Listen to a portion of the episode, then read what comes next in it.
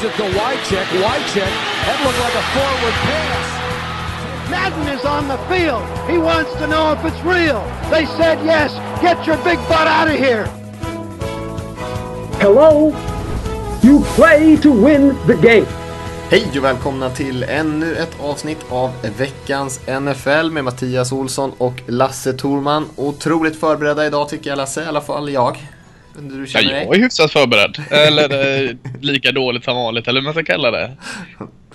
nej, nej, jag har, jag har inte stressat så. Så att jag ska väl kunna få ut något vettigt ord i den här podden. Ja, det är bra det. Jag, jag försöker lite mer på improvisationsspåret idag. Jag hoppar precis in i, i studion här eh, för typ en minut sedan. Eh, men det ska nog gå bra ändå. Ja, det kan vara, kan vara en fördel också. Ja visst, precis så kan det vara. Eh, vi ska knyta ihop eh, divisionspreviewn som vi har kört här nu av alla divisioner med NFC East och NFC South idag. Alltså. Sen har vi kört alla divisioner. Och eh, så ska vi ta lite nyheter, eh, lite college-snack där på efter divisionerna och sen så har vi några frågor som vi ska ta också. Och eh, det vi, vi, kan nämna är ju eh, Trevor Simeon, eh, quarterbacken i Denver Broncos, eh, har ju, kommer ju få starta nu sin den andra matchen han startar tror jag, tredje försäsongsmatchen. Och mm. eh, det brukar ju ofta betyda att den som startar den här tredje försäsongsmatchen är ofta den som kommer starta den första matchen på säsongen sen också. Och det var väl ingen riktigt som hade sett att Simeon skulle starta, men det är väl snarare så att Mark Sanchez har spelat sig ur den positionen. Jo men jag har hört en del eh, som har varit på Simeon-tåget, alltså experter. Eh, att de inte alls är förvånade att han skulle få starta, även alltså långt innan han fick det här. Mm. Nu har inte jag sett en match med Denver i år så jag vet inte hur han har sett ut. Eller hur Mark Sanchez har sett ut. Men jag är inte så överraskad. Det kanske är för att jag har lyckats läsa de här andra som tror på Simia. Mm. Ja, men jag håller med dig. Man har hört ganska mycket positivt om honom under, under eh, off-season här. Men eh, det var nog inte tanken från början att de, att de skulle vara i den här situationen. Så han har nog överraskat coacherna lite där från eh, vad man tänkte när de draftade honom i alla fall. Ja, lite speciellt när de draftade honom. Jag vet inte om det var i sjätte eller sjunde rundan. Men det var ju för att han hade hela sin sista säsong förstörd med skador i Nordwestern. Mm. Så föll han ner så att de hade nog ändå lite tro på honom men en chansning med att skadan skulle bli bra så att kanske hade varit någon som plockades i tredje, fjärde rundan om man har varit helt sitt sista år. Mm.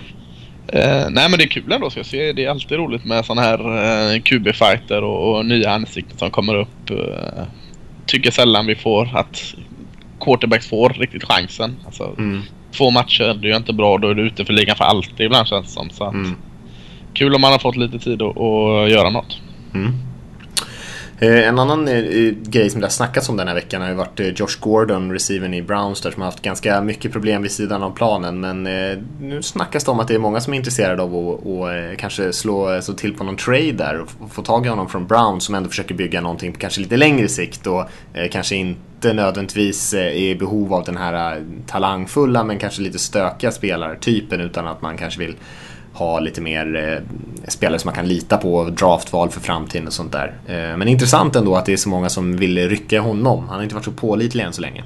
Nej, och det verkar väl vara Browns och han själva som sätter stopp för det. Ingen, de har väl, men det går man väl ut och säger för att höja... Alltså Cleveland säger att de är intresserade av att trade honom, men mm. även Josh Gordon säger att han, han eh, vill vara, han är lycklig i Cleveland. Ja, med hans förflutna så är det så det är fullt möjligt att han har varit lycklig i varje fall. Nej, Möjligt. Joey Bosa har vi snackat om tidigare. Eh, Chargers eh, rookie där som fortfarande inte har kommit överens med, med San Diego om ett eh, avtal eller ett kontrakt. Så att han har ju inte tränat med laget än så länge och ah, vi, vi, många tror väl, och vi tror väl fortfarande egentligen att det kommer lösa sig det här innan säsongstarten men det veckorna liksom och dagarna de tickar ju på liksom. Och, eh, nu har man ju, det här kommer ju få konsekvenser hur som helst. Oavsett om man signar honom nu så har han ju missat extremt mycket värdefull tid med, sin, sina lagkamrater och sina coacher och sådär.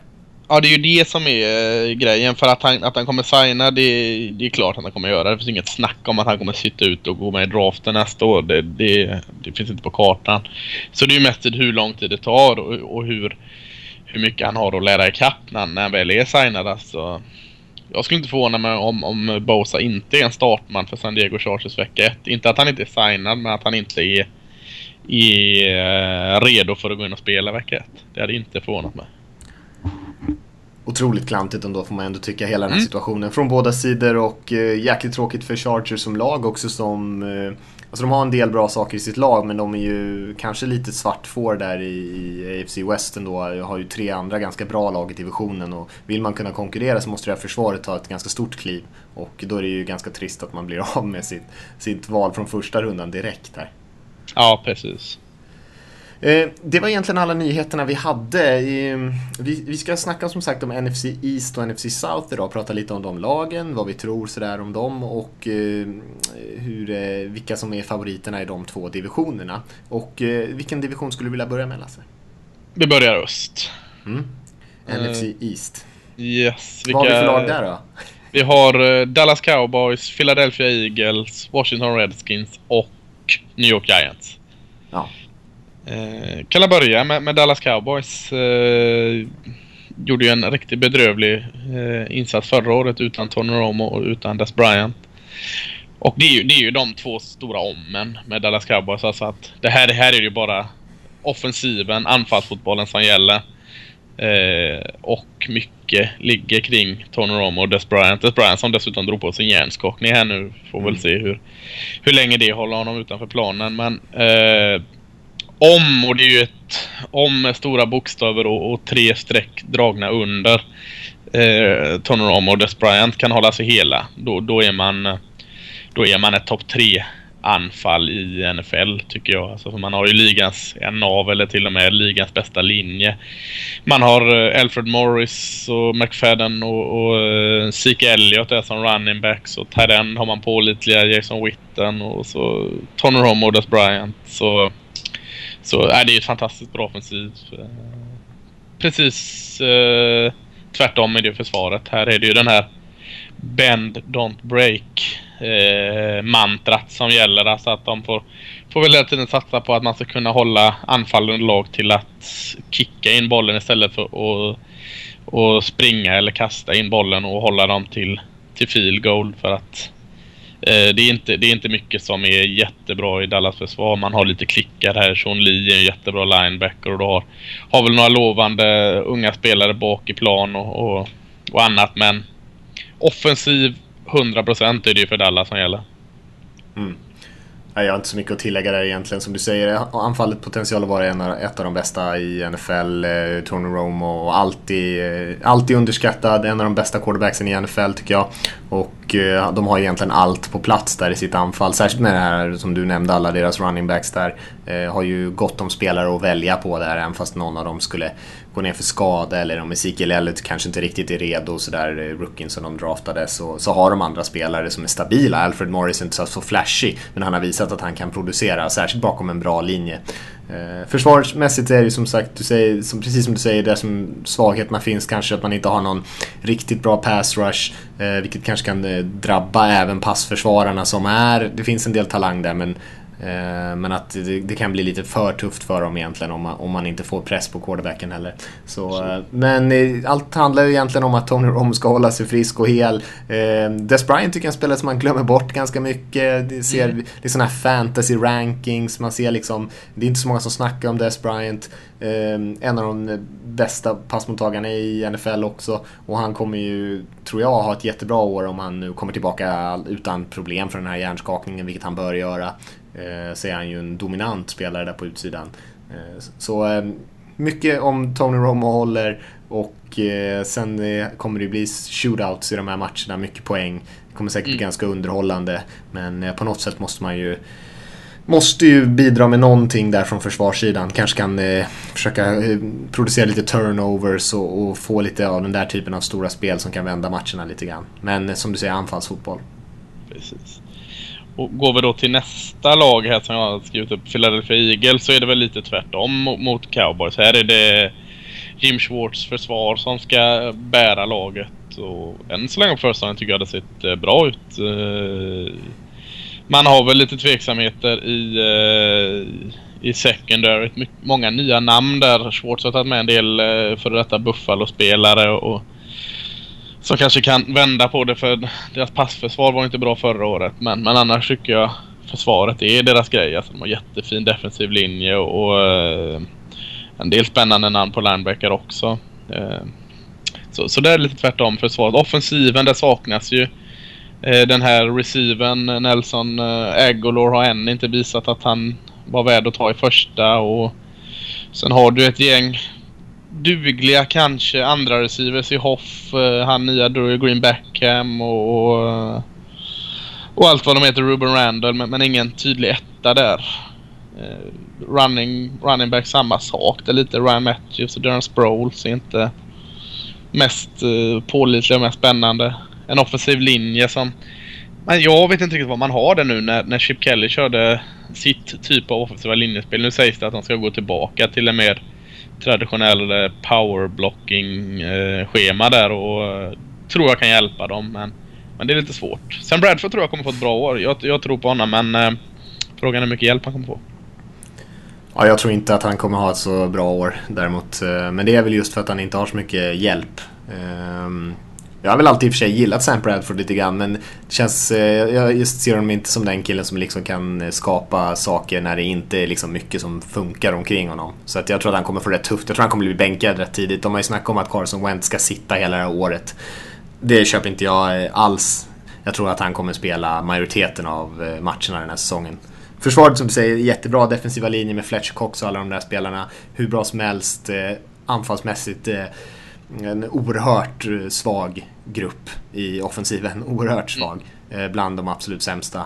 Eh, så jag tror det kommer nog vara svårt kanske för nya coachen där, Peterson, att komma in och göra något avtryck och visa vad han liksom egentligen vill med det här laget. För det har ju varit en riktig tömning på talang sen bara 3-4 år sedan när man hade jättemycket spännande spelare i sitt anfall och en jätte, jättebra offensiv linje och allting. Men ingen av, ingenting av det finns egentligen kvar. Så jag tror att de kommer få, få det tufft i den här divisionen Eagles faktiskt. Mm. Eh, Washington Redskins. Vad känner du spontant där? Det är väl lite sådär, eh, lite som man kände eh, med dem i fjol egentligen. Jag tyckte att de överpresterade lite grann i fjol. Eh, kanske vann ganska mycket tajta matcher. Eh, fick väldigt mycket hjälp av att de andra lagen hade stora problem. Mycket skadeproblem i de andra eh, trupperna med cowboys problem som du nämnde tidigare. Eh, och Eagles, alla deras issues med, med Chip Kelly och, och saker som inte fungerar som de skulle. Så att de eh, fick på något sätt inte så mycket utmaningar för att ta sig dit de kom i fjol. Jag tror de tar ett steg tillbaka i år. Eh, Kirk Cousins har ju varit eh, bättre än vad många trodde tror jag. Eh, och eh, jag tror säkert de kan eh, trolla ihop en hyfsad säsong där anfallsmässigt även i, i år. Men eh, jag håller också dem som lite kanske bakom, eh, vi ska väl ranka de här sen, men lite bakom Giants och Cowboys fortfarande rent kvalitetsmässigt. Men visst har man ett, ett ganska spännande anfall ändå med en ung offensiv linje och eh, jag tror att man kommer vara helt okej, okay, men runt där någonstans 8-8 strecket känns det ändå som. Ett ganska mediokert lag. Mm. Eh, ja, jag, jag har lite svårt att sätta fingret på eh, Washington. Eh, det är väldigt mycket upp och ner på både offensiven och defensiven. Man har en jättefin uppsättning med wide receivers. Pierre Garçon, Deshaun Jackson, Jamison Crowder och nya här Josh Dotson som de tog mm. i första. Ja, det är spännande verkligen. Och en jättebra tight end i Jordan Reed. Tycker jag är väldigt underskattad. Eh, och kan Kirk Cousin, jag tror inte han kommer vara lika bra som han var förra året och framförallt i slutet av förra året. Men kan han i alla fall påminna om sig själv där så, så eh, ser det bra ut. Och du var inne på det, den unga offensiva linjen blir bara bättre och bättre. Running backs är en jättefrågetecken. Eh, Två eh, osäkra kort har man väl där, eller tre. Eh, och det är samma försvaret upp och ner. Jag, eh, jag är jättestort fan av Preston Smith. Jag tror, jag tror han kommer få ett stort genombrott i år. Eh, linebacken där i, i Washington. Eh, och även eh, mer rutinerade Ryan Kerrigan vid hans sida är också bra men Sen är det Dilan känns inte sådär... Inget wow på något sätt. Eh, laget secondary känns bra med, med nya Josh Norman där från Carolina och Breland som jag också tycker är underskattad. Och, mm, är bra. Och safety där, vad heter han som inte var det innan? D'Angelo Hall har de flyttat in där. Det känns, känns spännande om inte annat. Men, men jag håller med dig också där att eh, jag tror inte man, man är inte så bra som man var förra året. Jag tyckte inte man var så bra då heller. Eh, du sa 8-80. Jag skulle kunna tänka mig att gå lägre och lägga dem 6-10 någonstans alltså. Mm. Mm. Det beror lite på hur bra de andra lagen i divisionen mm, presterar självklart. egentligen. Och därför det finns lite frågetecken kring alla fyra lag här. Och, mm. eh, Cowboys kanske är det största skadeläget men eh, med de andra så är det ju eh, tveksamma eh, lagdelar, hela lagdelar egentligen på Mm. alla de andra tre.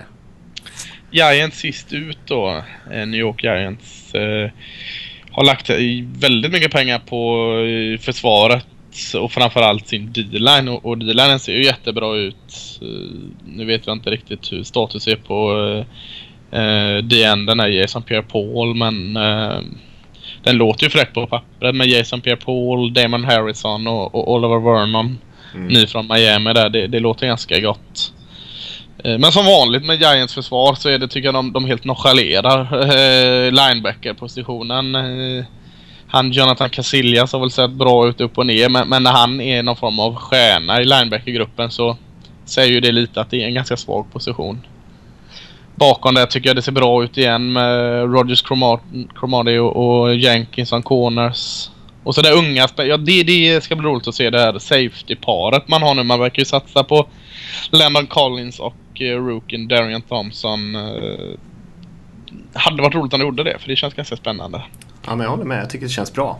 Ja, eh, offensivt. Ja, där, där är jag inte såld. Jag, jag, Eli Manning gjorde en skitbra säsong förra året. Och det, och det finns väl alla möjligheter att han ska kunna göra så mycket som möjligt eh, i år med. Men sen är ju frågan, offensiva linjen har inte alls utvecklats som man ändå fick lite tendenser för ett tag sedan att de skulle göra. Jag tycker de står fast och stampar där.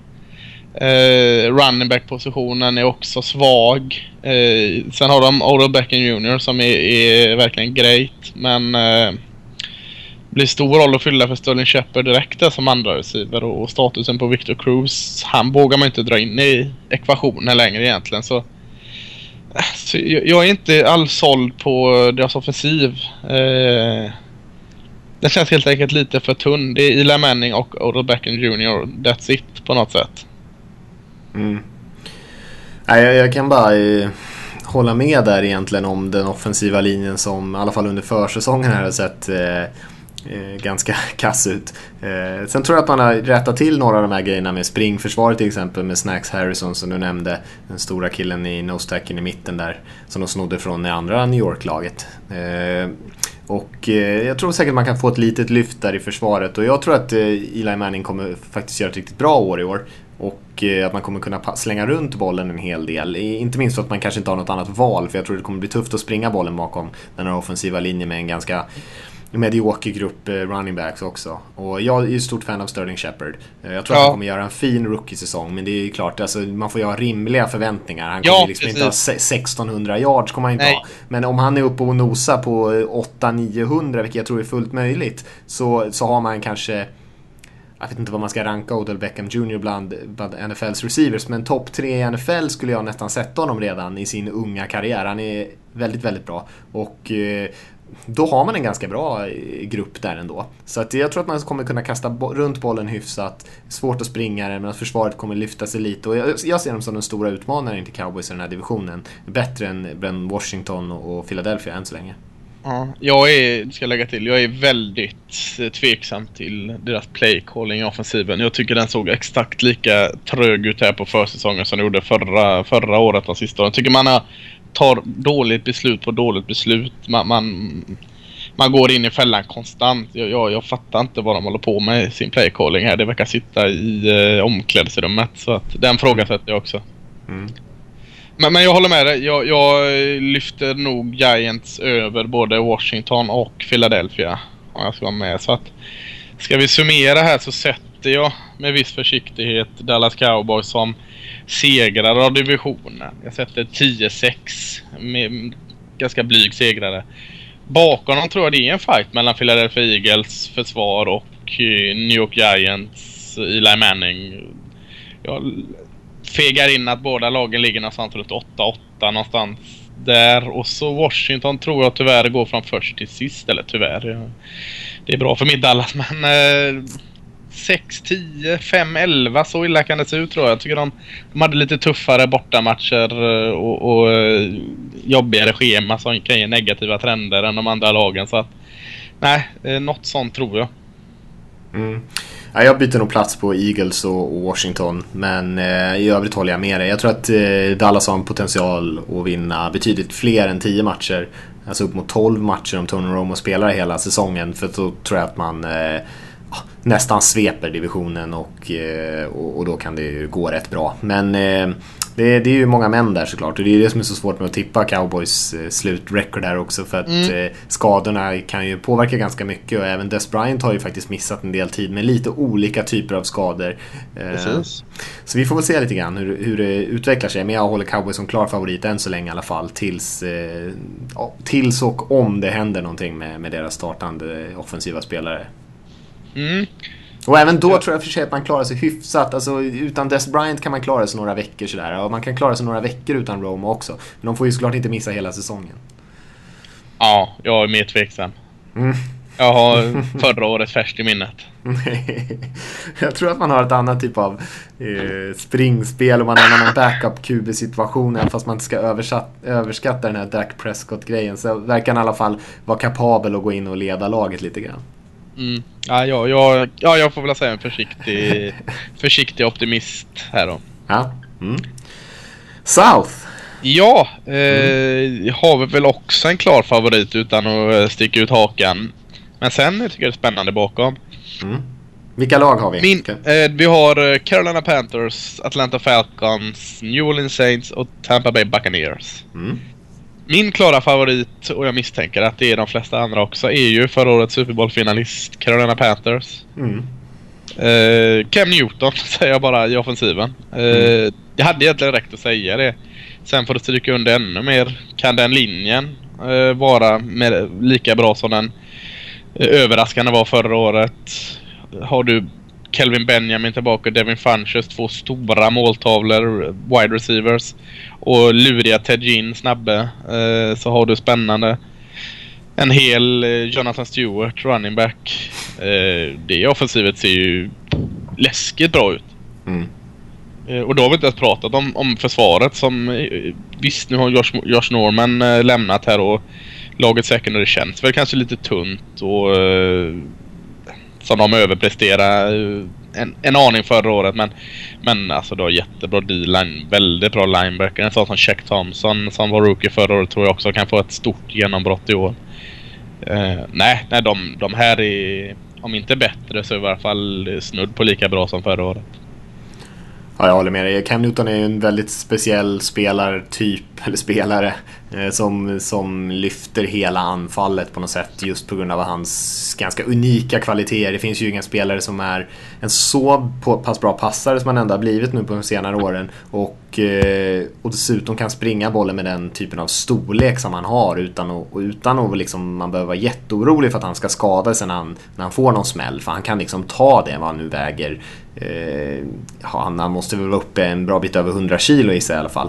Ja, ja. Eh, så eh, han är ju en gigant liksom och det ger ju extremt mycket, helt nya nivåer i, springspelet. Han är ju lite av en, han får inte så mycket cred för det, men lite av en trollkarl på de här bollfejkarna och såna här grejer. De har ju väldigt kreativa, älskar ju sina end-arounds när deras receivers kommer bakom Eh, in i backfield och kommer runt och liksom stretchar ut försvaret på sidleden. Eh, det, det, de är väldigt kreativa i sin, sitt anfallsspel och nu får man ju som du säger in Kelvin Benjamin igen och man har man är stora, man är fysiska, man är kreativa och man är jäkligt jobbiga att ha att göra med. Och försvarsmässigt är man ja, jättebra också. Så att, eh, och det har du redan varit inne på, alla de delarna. Eh, passförsvaret kanske ett litet frågetecken, men det har det ju varit, det var det förra, inför förra året ja. också. Och det var ju inget problem. Så att de, de, jag tycker de är lika bra som förra året. Jag, jag tror inte de kommer vinna 15 matcher, för det är ju mer en slumpgrej. Liksom. Det är svårt att vinna 15 matcher. Det är inte så många, ja, jag vet inte om något lag någonsin har vunnit 15 matcher eller fler två säsonger i rad. Jag tror aldrig det har hänt. Eh, så det är klart att de kommer gå ner i vinstantal, men det betyder inte att de inte är lika bra. Nej, nej, nej, absolut. Eh, jag tycker alltså man pratar om fönster, när lag har fönster att kunna vinna Super Bowl.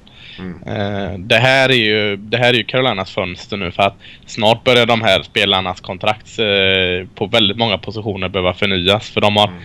presterat betydligt bättre än vad många trodde på väldigt kort tid. Så att de kommer inte kunna behålla ett så här slagkraftigt lag som man har just nu just för att man sitter med kontrakt för vad man har trott att de presterar innan. Så om vi pratar fönster så är det Carolina Panthers fönster helt klart uh, just nu. Mm. Atlanta Falcons, är du lika hypad på dem? Eh, nej men jag gillar dem faktiskt. Jag tycker att de börjar bli lite underskattade faktiskt. Eh, det är inte så många som snackar om Falcon som en seriös utmanare. Man har glömt bort att de har en franchise quarterback i Matt Ryan som eh, är fullt kapabel tror jag att vinna en Super Bowl. Eh, Stopp, men stopp, stopp. Seriös utmanare? Vadå till Super Bowl? Nej men seriös utmanare till den här divisionen och nå en Ah, slutspelsplats. och, alltså det är väldigt lite snack om Falcons så jag tycker ändå de har blivit mycket bättre på de sakerna de var dåliga på. De har förbättrat båda sina linjer, offensiva och defensiva linjen. Eh, jag eh, tycker att man underskattar eh, vad man har lyckades med förra året försvarsmässigt med att liksom stänga ner springspel och, och, och rätta till de delarna och bli lite mer fysiska som man snackade om att man inte var förut. Man var alltid bra på att passa runt bollen med, med Roddy White och Julio Jones tills Roddy White blev ja, väldigt gammal helt plötsligt förra säsongen. Eh, och det eh, har man ju verkligen eh, blivit bättre på de fysiska delarna och nu försöker man återigen då genom att ta in eh, Sanu är det väl som de har tagit in va, i Falcons? Eh, ja, Mohamed Sanu. Är receiven där från Cincinnati. från Cincinnati och det tycker jag är ett uppköp från den White vi såg förra säsongen. Och, eh, och då tror jag att passoffensiven kommer tillbaka till de nivåerna vi har sett förut. Och det var inte Freeman. Eh, jag tror inte att hans förra säsong var en slump. Eh, han ser otroligt explosiv ut, svårtacklad, i stort sett bra i alla delar av spelet. Eh, men lite underskattad fortfarande. Så jag tror att det här laget kan bli ganska farliga. Eh, kan, de är inte lika bra, de är inte uppe på Panthers nivå. Men, eh, men jag tycker fortfarande att de är ett bra lag och hade de spelat i någon svagare division så hade de varit en av favoriterna. Jag har för mig att vi var väldigt oensamma i den här divisionen förra året med. Eh, och i varje fall om Atlanta Falcons ser vi det. Jag tror de kommer drafta eh, topp tre nästa år. Oj, ja det tror jag inte. Eh, nej, jag tror det. Eh, man har försökt fixa till sin O-line. Alex Mack jättebra center, men jag... ah, I bästa fall okej tycker jag. Man har bra running backs. Du säger Devonta Freeman. Jag tycker även Tevin Coleman gjorde det bra när han fick hoppa in där. Pålitlig quarterback Matt Ryan och du säger eh, Julio Jones och Mohamed Sanu. Visst, det är bra där. Eh, men, men det är bara bra tycker jag. Jag tycker man behöver mer. För försvaret ser, jag tycker det ser dåligt ut rätt igenom. Eh, visst man har fixat till, man har eh, Adrian Claiborne och eh, Wick Beasley och kanske Desmond Trufant. Men det är ju inga stjärnor någon av dem. Ja, det är Vic Beasley Eh, möjligtvis som skulle kunna bli. Ja, men han är ju inte det. Alltså, och, det är, och det är deras stöttepelare i försvaret alltså. Jag håller nog Falcons försvar sämre än Dallas Cowboys och det är ett dåligt betyg alltså. Hmm. Eh, Ja, det gör sen, inte jag. sen underskattar jag nog kanske visserligen Dan Quinn som huvudtränare lite och hur han anammar försvarsfotboll. Det du var inne på där hur man spelade. Det är möjligt. Men, men nej, jag tror inte alls på Atlanta Falcons. Jag tycker de är inte värda min tid att prata om med det de ställer upp ens. Alltså, de, de kan få... Jag, jag sympatiserar med dem och jag har inget ont mot Atlanta Falcons. Men eh, nej, de ska inte vara med i några diskussioner alls. Ja, intressant. Intressant. Nej, men, jag, jag håller inte med då såklart, men det är ju bara lyssna kul. på den här, den här starten då. Ja. Eh, Buccaneers hemma. Okej, den, den tar man kanske. Ja. Sen har du Oakland borta. Mm. Saints borta. Carolina Saints, ja. hemma. Ja. Denver borta. Seattle borta. Ja, det är ju ingen De är ju helt start. förstörda efter 1-5. Men de måste ju ha lättare matcher efter det. Ja, ja, men 1-5. Inget självförtroende. Börjar spelarna känna sig skadade? Nej, nej, nej. Det går ut för. 4-12 i bästa fall i år. Oj, oj, oj. Ja, det var kul. Ja. Ja. det, här får vi, det här får vi följa upp tycker jag. Hur det går för dem. Det är alltid Ja, det roligt. kan vi göra. Eh, Ska vi hoppa vidare? De var inte värda din tid, så det är lika bra att vi går vidare ju. Vi hoppar till Saints. Ja. Eh, härliga Saints. Eh, Tycker du det? Ja. Eh, ja, eller inte, inte, nej det gör jag inte. Eh, Jag är de och så- Ramsey på 7-9. Eh, ja, precis. Jag är, deras offensiv tycker jag ser ganska, jag är inte så såld på den. Och det ska ändå vara det som bär dem. Drew Brees är Drew Brees. han gör det bra, det vet vi. Eh, Mark Ingram är bra. Eh, running backen där. Uh, receiven Cooks också bra. Eh, men sen... sen tycker jag det börjar ta emot. Man har precis som Atlanta då försökt stärka upp sin offensiva linje.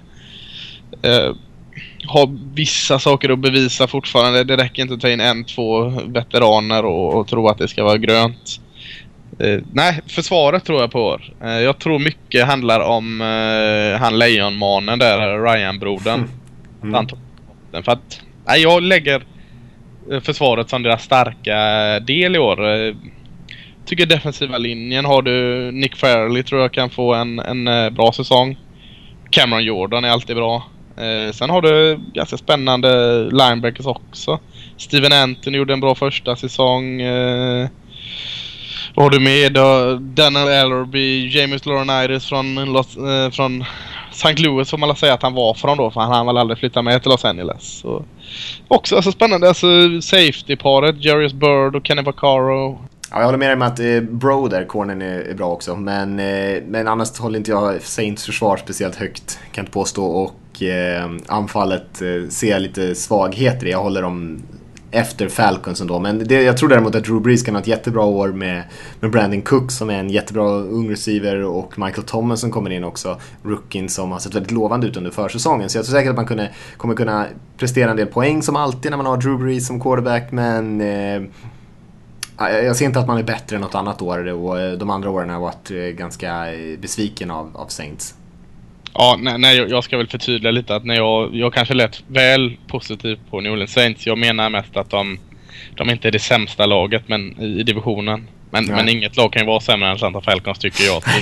Så, jag, du ska inte tolka min uh, entusiasm för försvaret som att de är något annat än 6-10. Alltså, det är där de nej. ligger någonstans hävdar ah, ja, okej. Okay. Mm. Ja, men det kan jag hålla med om. Ja, det är bra. Tampa Bay Buccaneers. Uh, tycker du var de? Ja, vad tycker jag om dem? Att det inte är så jättemycket skillnad på Tampa Bay Buccaneers i år från förra året förutom att några av de unga spelarna kanske har blivit ett år äldre och James Winston kanske framförallt som gjorde ett väldigt bra rookie-år. Eh, och att man hoppas ju såklart att han ska kunna bära det här laget till, till fler vinster.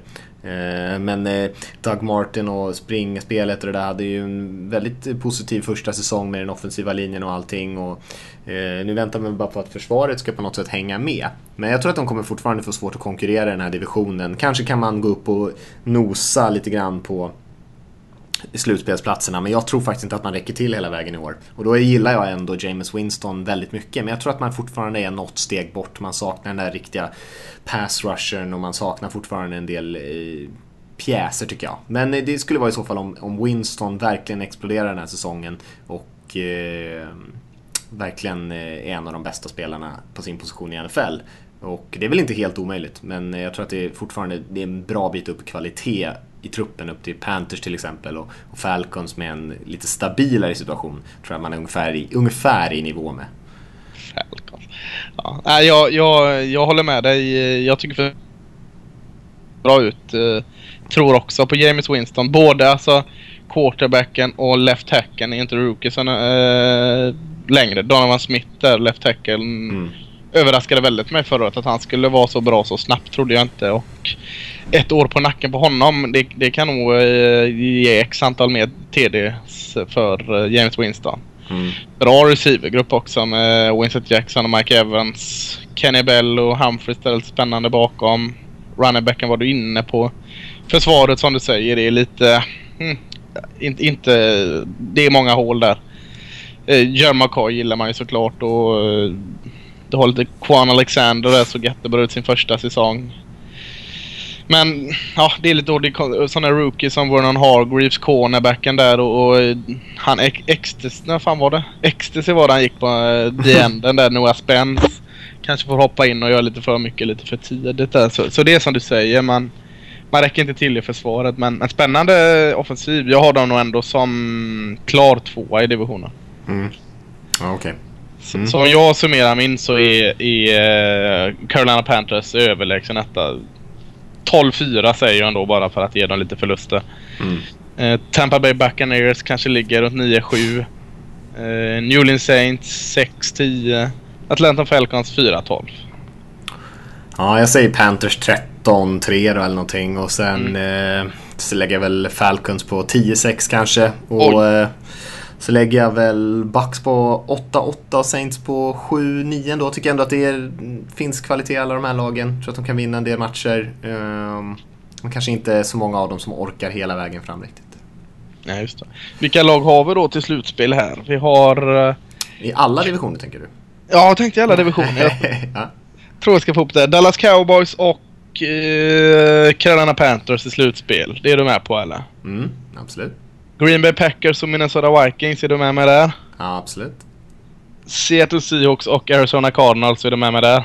Ja, absolut. Då har vi inga kvar va? Nej. I NFC. Det var enkelt. Mm. Ja, i NFC ja. Ja. Du AFC håller då? med om det i alla fall. Ja, det tror med jag vi, det tror jag vi gick igenom när vi Ja, summerade. det kanske vi gjorde. Ja, kanske annars får vi återkomma till det. För det Ja. har jag helt glömt. ja, det, är, det är sant. Vi vill inte göra någon helt annan slutsats nu, bara vända upp och ner på divisionerna så det verkar som att vi bara chansar. Någon som sträcklyssnar och där bara Helvete, han sa ju precis tvärtom för två avsnitt sedan. Skulle inte förvåna mig i och för sig. Hörru, det är lite college skulle vi snacka om va? Det, det drar igång lite grann nu. Ja, eh, behöver inte snacka så mycket om det. Det, drar, det är en liten tjuvstart när eh, Cal Golden Bears, Bears möter Hawaii Warriors i Sydney, Australien. Mm. Eh, på natten till lördag tror jag det är. Tidig morgon tror jag det börjar 5 eller 05.00 fredag till lördag. Eh, så eh, det ska bli roligt. Marshawn Lynch är över med, med Cal. Han gick ju på skola där och, och hypa matchen lite i Australien för dem. Så det drar igång. Sen drar den igång eh, veckan efter igen. Så det är en ganska tidig tjuvstart. Jag menar de lagen ska hinna tillbaka och ställa om dygnet igen innan resten av, av, eh, av det drar igång. Men roligt med lite tävlingsfotboll igen. Alltså preseason har sin tjusning men det gäller ju inte så mycket. Nu, nu börjar det gälla. Nej, det, det, det är skönt att det börjar dra igång ändå. Och eh, det är väl samma sak med NFL där när det väl drar igång. Det tjuvstartar ju lite på, eh, på torsdagen och sen så är det ju alla andra matcher som inte drar igång förrän i helgen sen. Nej precis. Så det är alltid lite sådär, man smygstartar lite grann bara för att inleda säsongen lite mjukstart. Ja, jag tycker de kunde gjort det lite ännu tidigare. Alltså, dratt igång Mm. eh, den här... Nu är det så att man väntar nästan på att sommaren ska vara över här så man kan få se NFL. De kunde... Behöver inte stressa förbi sommaren. Kan vi inte lägga in en, en tidig vecka i juli eller något bara för att spexa till det lite? Mm. Skriver du ett mail till Roger Godell om det? Jag, ska- jag ska göra det. Roger Godell han försöker väl få bort en eh, försäsongsmatch i och för sig. Så, eh, Ja, han då vill ju få igång säsongen lite tidigare verkar det som. Men han vill ju också lägga till en vecka är väl något, någon av de grejerna de försöker diskutera. Men det vill ju inte, vill ju inte alla däremot. Med Nej. skaderisker och allt vad det är. Vi ska ta lite frågor faktiskt här. Och Ja. som, som vi alltid säger, om man vill skicka in frågor så är det podcast at nflsupporter.se som man kan mejla till. Så får vi alla dem samlade där. Supersmidigt för oss. Och vi kan väl börja egentligen med en fråga från Andreas här, som skriver Hallå! Måste inleda med ett stort tack för allt ni gör för oss svenska fans med podcasten, tidningen och nya hemsidan. Håller alla toppklass. Och det tackar vi för. Eh, jag är i valet och kvalet om jag ska skaffa Viaplay eller NFL Game Pass. Har tidigare bara sett på TV10 och Viaplay. Är sugen på att testa NFL Game Pass i år men undrar om jag inte kommer sakna CJ Björk, Strauss, Magnus och company. Sen gillar jag ju att man oftast går till studio där man i USA går till reklam. Hur gör ni när ni ser på NFL Game Pass? Flippar ni mellan matcher och reklamavbrotten? Eh, kan ni dra ett kort pros and cons för det ena och det andra?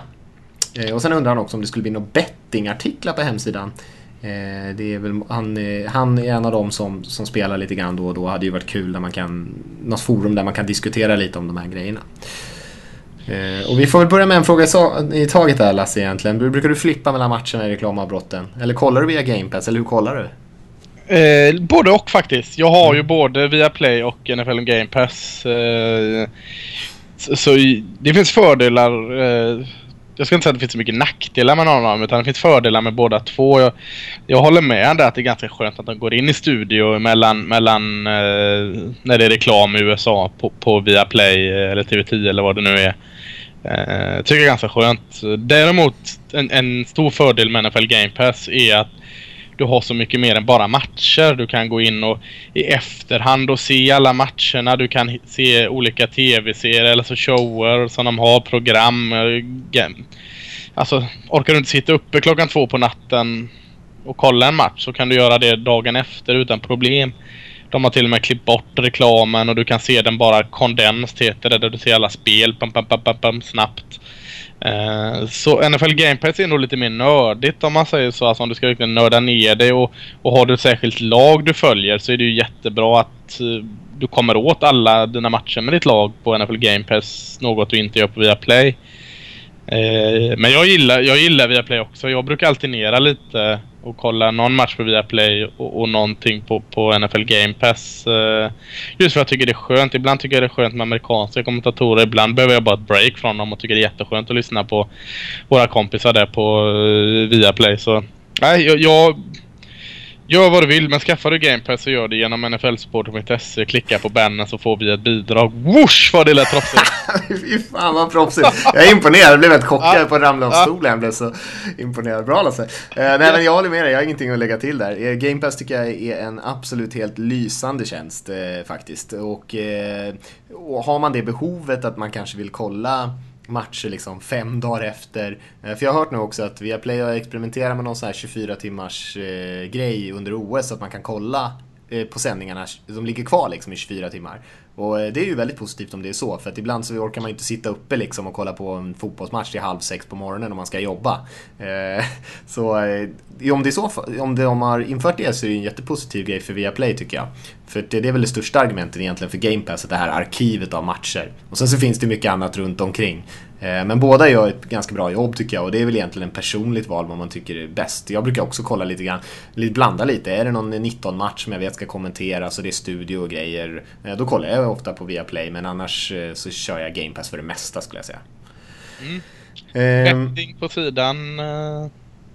Mm, ja men det, det, kan nog bli något sånt. Eh, kan tänkas. Eh, ska inte Tippa lova. på under fem matcher på Atlanta Falcons. Har du det stalltipset? Sett hela huset. Eh, yes. I, ja. ja. men vi får se. Men vi, vi sitter och funderar lite grann på sånt. För att, alltså, det är ju några av oss som, som skriver och sådär som gillar att spela lite grann själva. Men det är ju inte, alltså, jag menar jag skulle inte kalla mig någon typ av betting-expert direkt. Så att eh, vi får väl se lite grann om vi hittar någon som tycker att det är, så nördigt så att man tycker att det är kul att liksom reka spel och sånt där. Och sen kan man ju skriva om olika bettingfilosofier. Men vi håller på att kolla lite grann på det där så det, jag skulle tro att det kommer nå, någon typ av bettinginnehåll i alla fall. Men vi får se när det, när det kommer. Eh, men vi vet att det finns ett intresse i alla fall.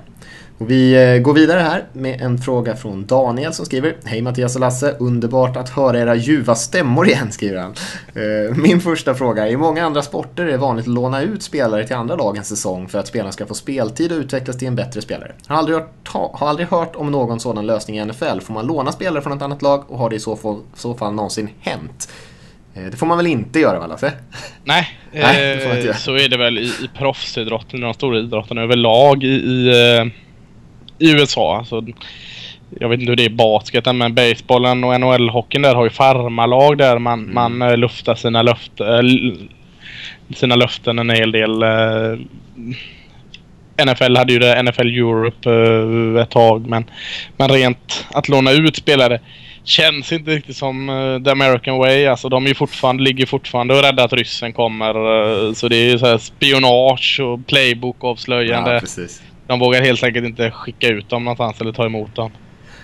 Nej, eh, och du snuddar lite vid hans, hans andra fråga för han fortsätter. Det är, det är som bekant många fotbollsspelare som inte tas med i de slutliga trupperna och blir kattade när lagen bantar ner sina trupper till 53 spelare plus practice squad. Tycker det känns som att det är mycket talang som går förlorad här och det inte känns som att det finns några direkta alternativ för dessa spelare. En del spelar säkert i CFL, den kanadensiska fotbollsligan då, och, och många slutar. Men hur som helst, finns det någon skön historia om någon spelare som försökt spela till sig en plats under lång tid och till slut lyckats och blivit en riktig stjärna? PS, när tar ni tillbaka introt från säsong säsong 2 där Mattias skrattar så skönt till historien om tigrarna i bur hos LSU DS.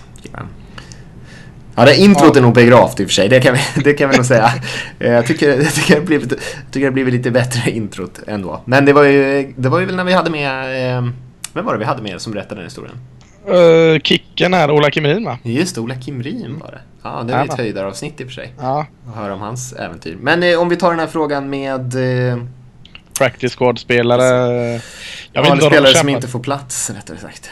Ja, som sen har tagit en plats var, var det väl någonting där va? Ja, precis. Eh, jag vet inte hur, hur länge de har kämpat men, men tre ganska stora namn kommer i alla fall jag på som har varit nere på practice squad. Det är ju två quarterbacks. Kurt Warner som sitter i studio nu som vann Super Bowl eh, med eh, Rams. Och så har vi Tony Romo i Dallas Cowboys. Var nere i practice squad i Dallas. Och så den eh, tjurige James Harrison, eh, Steelers eh, linebacken där, var, började också på practice squad. Så att det är ändå tre väldigt stora namn. Stjärnor har varit eller är. Så att, att gå den långa vägen det, det, är en lång väg men du kan också bli Tony Romo.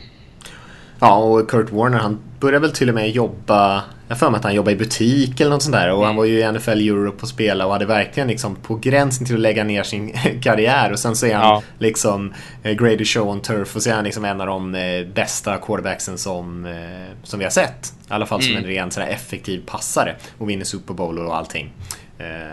Så, eller han vann han Super Bowl förresten? Ja, det ja. måste han ha gjort va? Ja, jag blev lite förvirrad där. Uh, ja, men eh, så att det går ju, men eh, det är ju inte så jättemånga sådana här historier. Men det är svårt att få chansen liksom när man väl kommer där. När man kommer ur så glömmer folk fort bort vem man var. Så det gäller ju att hålla de där kontakterna vid liv och NFL Europe var väldigt bra på det sättet. och det diskuteras ju huruvida man ska kunna hitta ett sådant system igen. Mm. Cameron Wake kan man ju nämna också, var ju uppe i Kanada och spela. Just det. Dolphins pass rusher och är också en av de bättre spelarna på sin position i NFL idag. Och han dominerade ju i kanadensiska fotbollsligan. Men eh, det är lätt för eh, spelare att ramla mellan stolarna lite grann sådär. Helt klart. Har vi en sista fråga här, också från en Daniel Danne. Tjenare! Först och främst tack för en grym podcast. Hur går det för våra svenskar i NFL? Sebastian Johansson och David Edelin. Ingen blev ju draftad men båda två fick ju kontrakt som free agents. Har ni koll på hur det går? Har de fått spela något? Tack på förhand, Danne. Eh, tyvärr är, är båda eh, utan lag just nu. Eh, mm. Sebastian blev kattad av San Diego någon vecka in och Hedelin, rättar man fel, blev väl släppt en dag innan Dallas skulle dra igång sin, sin, sitt träningsläger. Mm, så är det.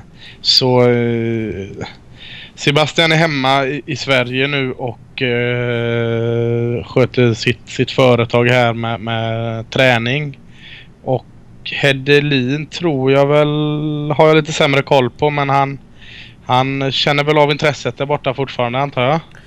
Ja, senast jag pratade med honom så, eh, så var agenten ute och kollade runt lite grann och se om det fanns eh, möjligheter för honom att haka på någonstans. Eh, men det blir tufft såklart när lagen börjar släppa spelare här. Då är det liksom inte så många som letar efter att fylla på. Så vi får väl se, det kan alltid hända saker om det är skador eller sådana här tråkiga grejer som gör att man måste fylla på på någon viss position. Men eh, än så länge har jag inte hört att det är någon som har nappat. Sebastian verkar väl vara rätt tillfreds med sitt beslut att starta upp sitt liv här i Sverige och har ju varit och coachat eh, ganska mycket svenska fotbollsspelare just nu eh, via sitt företag då.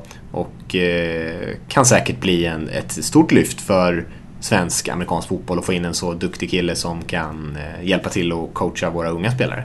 Ja, jag och Sebastian ska faktiskt uh, köra tre timmar imorgon här, här nere i Göteborg. Så att uh, ja, det ska bli jätteroligt. Ja. Eh, men, men eh, åter till frågan. Vi, vi, eh, vi, har inte svenskarna kvar i NFL som det ser ut nu i alla fall. Nej. tråkigt som fanken men, men all jäkla heder till deras resa. Den, den, jag tror det går nog inte nog understryka hur jäkla tufft och hur jäkla bra de har gjort det.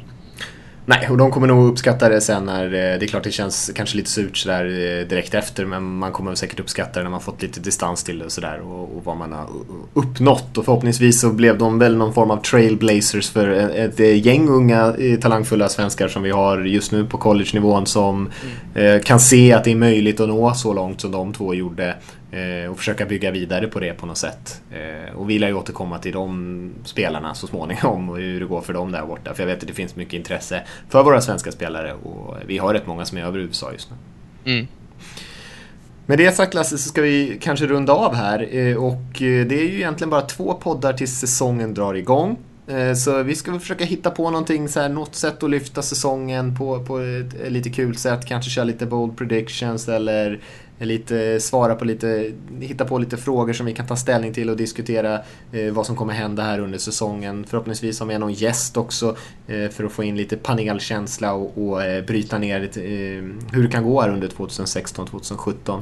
Eh, tack allihopa som har lyssnat. Om ni vill får ni hjälpa oss att sprida podden eller bara plocka upp iTunes eller vad ni nu lyssnar på podcasten via för plattform och ge någon typ av betyg där eller skriva en recension eller något sånt där. Eh, Eh, och kolla in hemsidan, fortsätt att hänga med där. Alltid mycket liv tycker jag. Jäkligt kul att se hur mycket som uppdateras hela tiden. Eh, många som eh, verkligen, man känner engagemanget eh, på sajten där. Att det, är, det är väldigt många som är igång nu och, taggade inför säsongen och det är kul att se. Men eh, annars är vi så bara Lasse för den här veckan så, eh, så hörs vi om en vecka igen. Det gör vi. Ha det bra allihop.